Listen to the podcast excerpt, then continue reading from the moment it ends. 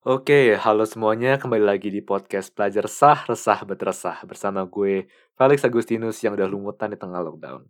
Bagi yang nggak tahu, sitnya lagi wave. Hmm, wave keberapa ya entah. Um, dan UK naik terus. Kemarin 460-an, bentar lagi nyentuh 500 kayaknya. Dan although gue bersyukur masih diberi kesehatan dan rezeki biar gue masih bisa hidup layak lah di masa pandemi. It still sucks, you know kesehatan mental gue menurun sepertinya. Udah lama gak keluar. Dan akhir-akhir ini gue lagi takut ya. Um, anxious mungkin akan losing something important to me. Dan I know nothing lasts forever gitu. Gak ada yang bakal bertahan selamanya. But this thing, this important thing, itu bisa aja disappear anytime for the next one year gitu. Kapan aja dan gue nggak tahu. And well that's my estimation at least setahun mungkin juga enam bulan gue nggak tahu. I don't know if you know the feeling of bangun tiap hari knowing that hari itu tuh bisa jadi hari hari hari ya the day gitu dan kayak rasanya apa ya? Kayak kayak rasanya lu mau ditampar tapi lu nggak tahu kapan lu mau ditampar. Jadi lu takut sampai itu terjadi. Dan gue yang di umur 20 22 actually uh, udah biasa sama rasa sakit. Tapi ini torture dan ya gue takut aja. Gue anxious banyak pikiran but yeah that's my life now. Well anyway mari kita kabur dari realita hidup untuk sementara. Jadi um, beberapa hari lalu, minggu lalu kalau nggak salah, um, gue di organisasi PPA kan lagi interview dan gue jabatan di sana sebagai director kan, director dari organisasi dan HRD. Dan partner interview gue itu somehow kebanyakan tuh adalah seorang wanita paruh baya bener gak sih Parubaya gue gak tau umurnya berapa. Um, dia direkturnya apa ya gue gak mau sebutin deh takut gue sama orangnya.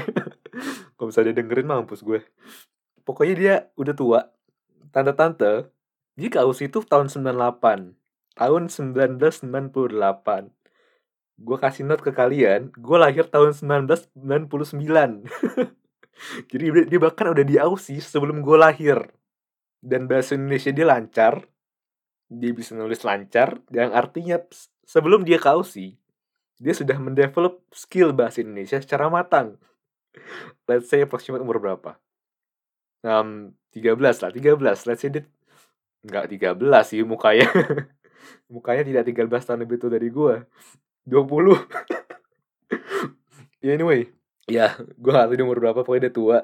Dan gue tuh dan dia dan dia tuh dipanggil mbak kan dipanggil mbak atau ngakak tapi gue tuh pengen banget gue punya hasrat terpendam yang bener-bener uh pengen banget untuk manggil tante. Anjir bajingan gue kualat nanti. Gue gue tuh gue nahan banget ya ampun untuk manggil dia tante. Gila tuh seharian. Ah untung gak untung gak ucap aduh mana serem lagi mamanya. Takut gue Ya semoga dia nggak dengerin podcast gue ataupun episode ini, khususnya episode ini ya. Kalau sampai dengerin gue dilabrak kayaknya. Aduh, well, gue juga mau bahas satu lagi. Gue pengen bahas tentang kasusnya tentang Kapten Vincent sama istrinya yang sempat ribut di sosmed beberapa bulan lalu. Gue nggak tahu kalian ikutin atau enggak ya, tapi I think that's it's really fucked up. How could a married couple could apa ya drift apart like that?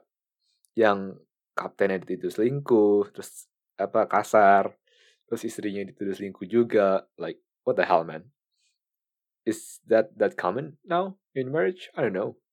Gue bingung aja sih kayak kenapa mereka harus bawa masalah pribadi kayak gini harus disebar di sosial media? I think that's too much. Mending lah berantem ngambek biasa saling sindir-sindir apa diam-diam gitu. Tapi ini saling jelek-jelekin sebar cerita gitu nyindir-nyindir yang berat juga. Like ayolah dewasa dikit. Mereka udah umur berapa sih? Udah setua itu kan? Dan yang gue kaget lagi tuh si Captain Vincent udah punya pacar sekarang. Kayak man dewa sih? Orang ganteng emang beda kayaknya ya. Gue udah putus 7 tahun tapi sampai sekarang aja belum ada. Oh hell. Anyway uh, ngomong-ngomong soal sosial media gue punya pendapat yang mungkin kontroversial mungkin tidak. Uh, mungkin ada beberapa yang setuju mungkin ada yang enggak. Tapi gue percaya bahwa pacaran itu tidak harus dibawa ke sosial media. Maksudnya gimana? I mean satu pacaran aktivitas pacarannya itu nggak perlu di share di sosial media. Misalnya lagi makan di mana lagi ngedate atau ngapain. Special occasions kayak anniversary oke okay lah. But gue gak setuju aktivitas sehari-hari di expose di sosmed sih apalagi yang apa anniversary I don't know how to pronounce it right atau apa pun itu gue gak ngerti banget sih. Apa lu ngerayain relationship lu bertahan satu bulan lebih lama itu motivasinya apa? Sesusah itu kah mempertahankan hubungan buat sebulan? Banyak gue udah nikah at least 22 tahun. 24 sih. Ya masa mau ngerayain 22 kali 12 anniversary Itu berapa coba? 200 264 bulan? Gila Tahu pokoknya kalau ada pendengar podcast ini Dan kalian merayakan Atau berencana untuk merayakan anniversary Saya mohon setulus-tulusnya untuk menghentikan rencana Anda dan berpikir dengan jernih. Saya mohon. Ya, anniversary, anniversary. Oke, okay. let's move on. Um, gue harus jelasin dulu kenapa gue gak setuju bahwa pacaran itu harus dibawa ke sosial media. Pertama, uh, kenapa gue gak setuju itu karena privacy. Gue secara pribadi tuh gak nyaman untuk menyebarkan kehidupan sehari-hari gue ke orang. I think everyone juga merasakan hal yang sama, some enggak, um, tapi ya gue gak nyaman aja sih. Gue gak mau orang komentar sama ikut campur tentang kehidupan pribadi gue. Kalau dalam konteks pacaran ya, gue gak bisa jelasin, but I feel like there is something beautiful about keep the relationship to both of you only. Instead of kasih ke orang lah.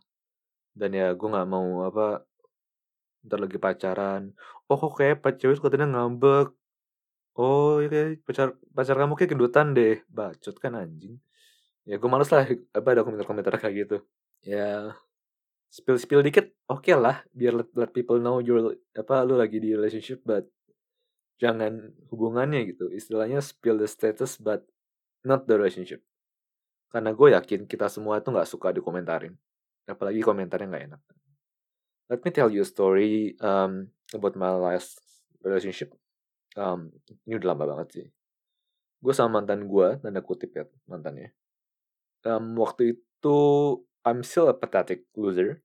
Well, gue sekarang masih pathetic, but not that much loser anymore. Um, physically dia lebih tinggi, lebih cakep, lebih pinter, aktif di sekolah, and much more. She's amazing um, sampai sekarang juga gue masih kagum sama dia um, dan ya she's way above my league lah waktu itu dan orang-orang tuh pada nyinyir ya kayak kenapa dia mau sama gue mending sama yang lain aja dan lain-lain. Oke okay lah sama temen kan. Nah, lebih parahnya itu oh iya iya bentar-bentar banyak kakak kelas yang suka dia dan itu bikin gue gak nyaman. Kayak apa ya rasanya orang-orang pada anjir fel lu bisa ngalahin kakak kelas.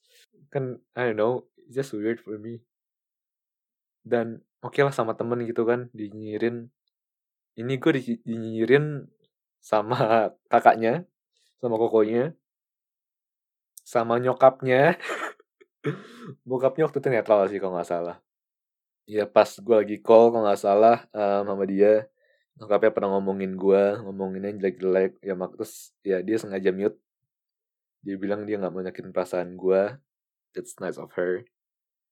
Um, dan mending lah apa lu nyinyirin soal hal yang bisa lu rubah kan that hurts you know. Kalau misalnya itu hal yang kayak udah dari diri lu gitu.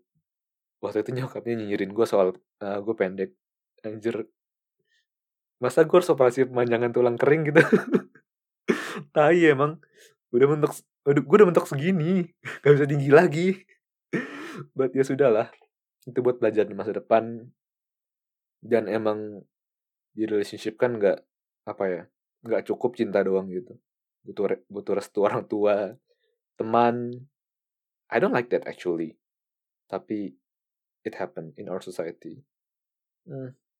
alasan kedua gue karena gue takut relationshipnya tuh jadi based on social media. Bukan apa real bond between us. Orang-orang zaman sekarang menurut gue tuh gampang banget kecanduan sama validasi dari orang-orang di sekitar. Mereka dapat attention dapat likes dapat komentar yang oh wow keren banget. Dan kalau udah kecanduan gampang banget buat orang pacaran itu untuk apa ya mereka pacaran jadinya bukan untuk mereka but untuk konsumsi publik instead. Dan I don't want that happen to me. Gue nggak gue mau every single moment saat gue pacaran itu jadi memories for both of us and only both of us. Gue nggak mau orang lain apa ikut campur basically. Dan gue juga nggak mau apa gue pacaran ke sosial media dan apa ya kalau dibawa ke sosial media ya I think bakal jadi ada, ada tambahan pressure dari orang-orang di sekitar kita. Entah kenapa mungkin aja lu, lu jadi punya dorongan lebih untuk harus lanjutin hubungan itu whatever happens di hubungan itu di kehidupan nyatanya. Karena orang-orang kan cuman lihat hubungan lu based on yang lu post online kan. Nah ya manis-manisnya gitu jadi nanti ada expectation dari orang-orang sekitar dan menurut gue ribet aja sih. Ntar kalau putus juga ribet. Jadi heboh banget. Ntar orang-orang komentar pasti aneh-aneh. Kok bisa putus? Sayang banget kalian putus padahal udah lama loh. Ya iya. Terus kalau terus kalau terus yang gue kesel kok masih adanya bergosip men. Anjir emang. Dulu pas gue putus kayaknya bergosip deh tentang gue it's a bad gossip by the way. Nah but ya itu udah lama. I've udah gue terima lah sekian pendapat gue itu aja kayaknya tentang kenapa gue nggak suka bawa relationship ke sosial media Um, dan I would like to know apa yang kalian pikirin tentang ini. Um, but this is what I thought dan bakal gue apply juga di personal life gue. So yeah, see you in the next episode. Bye bye.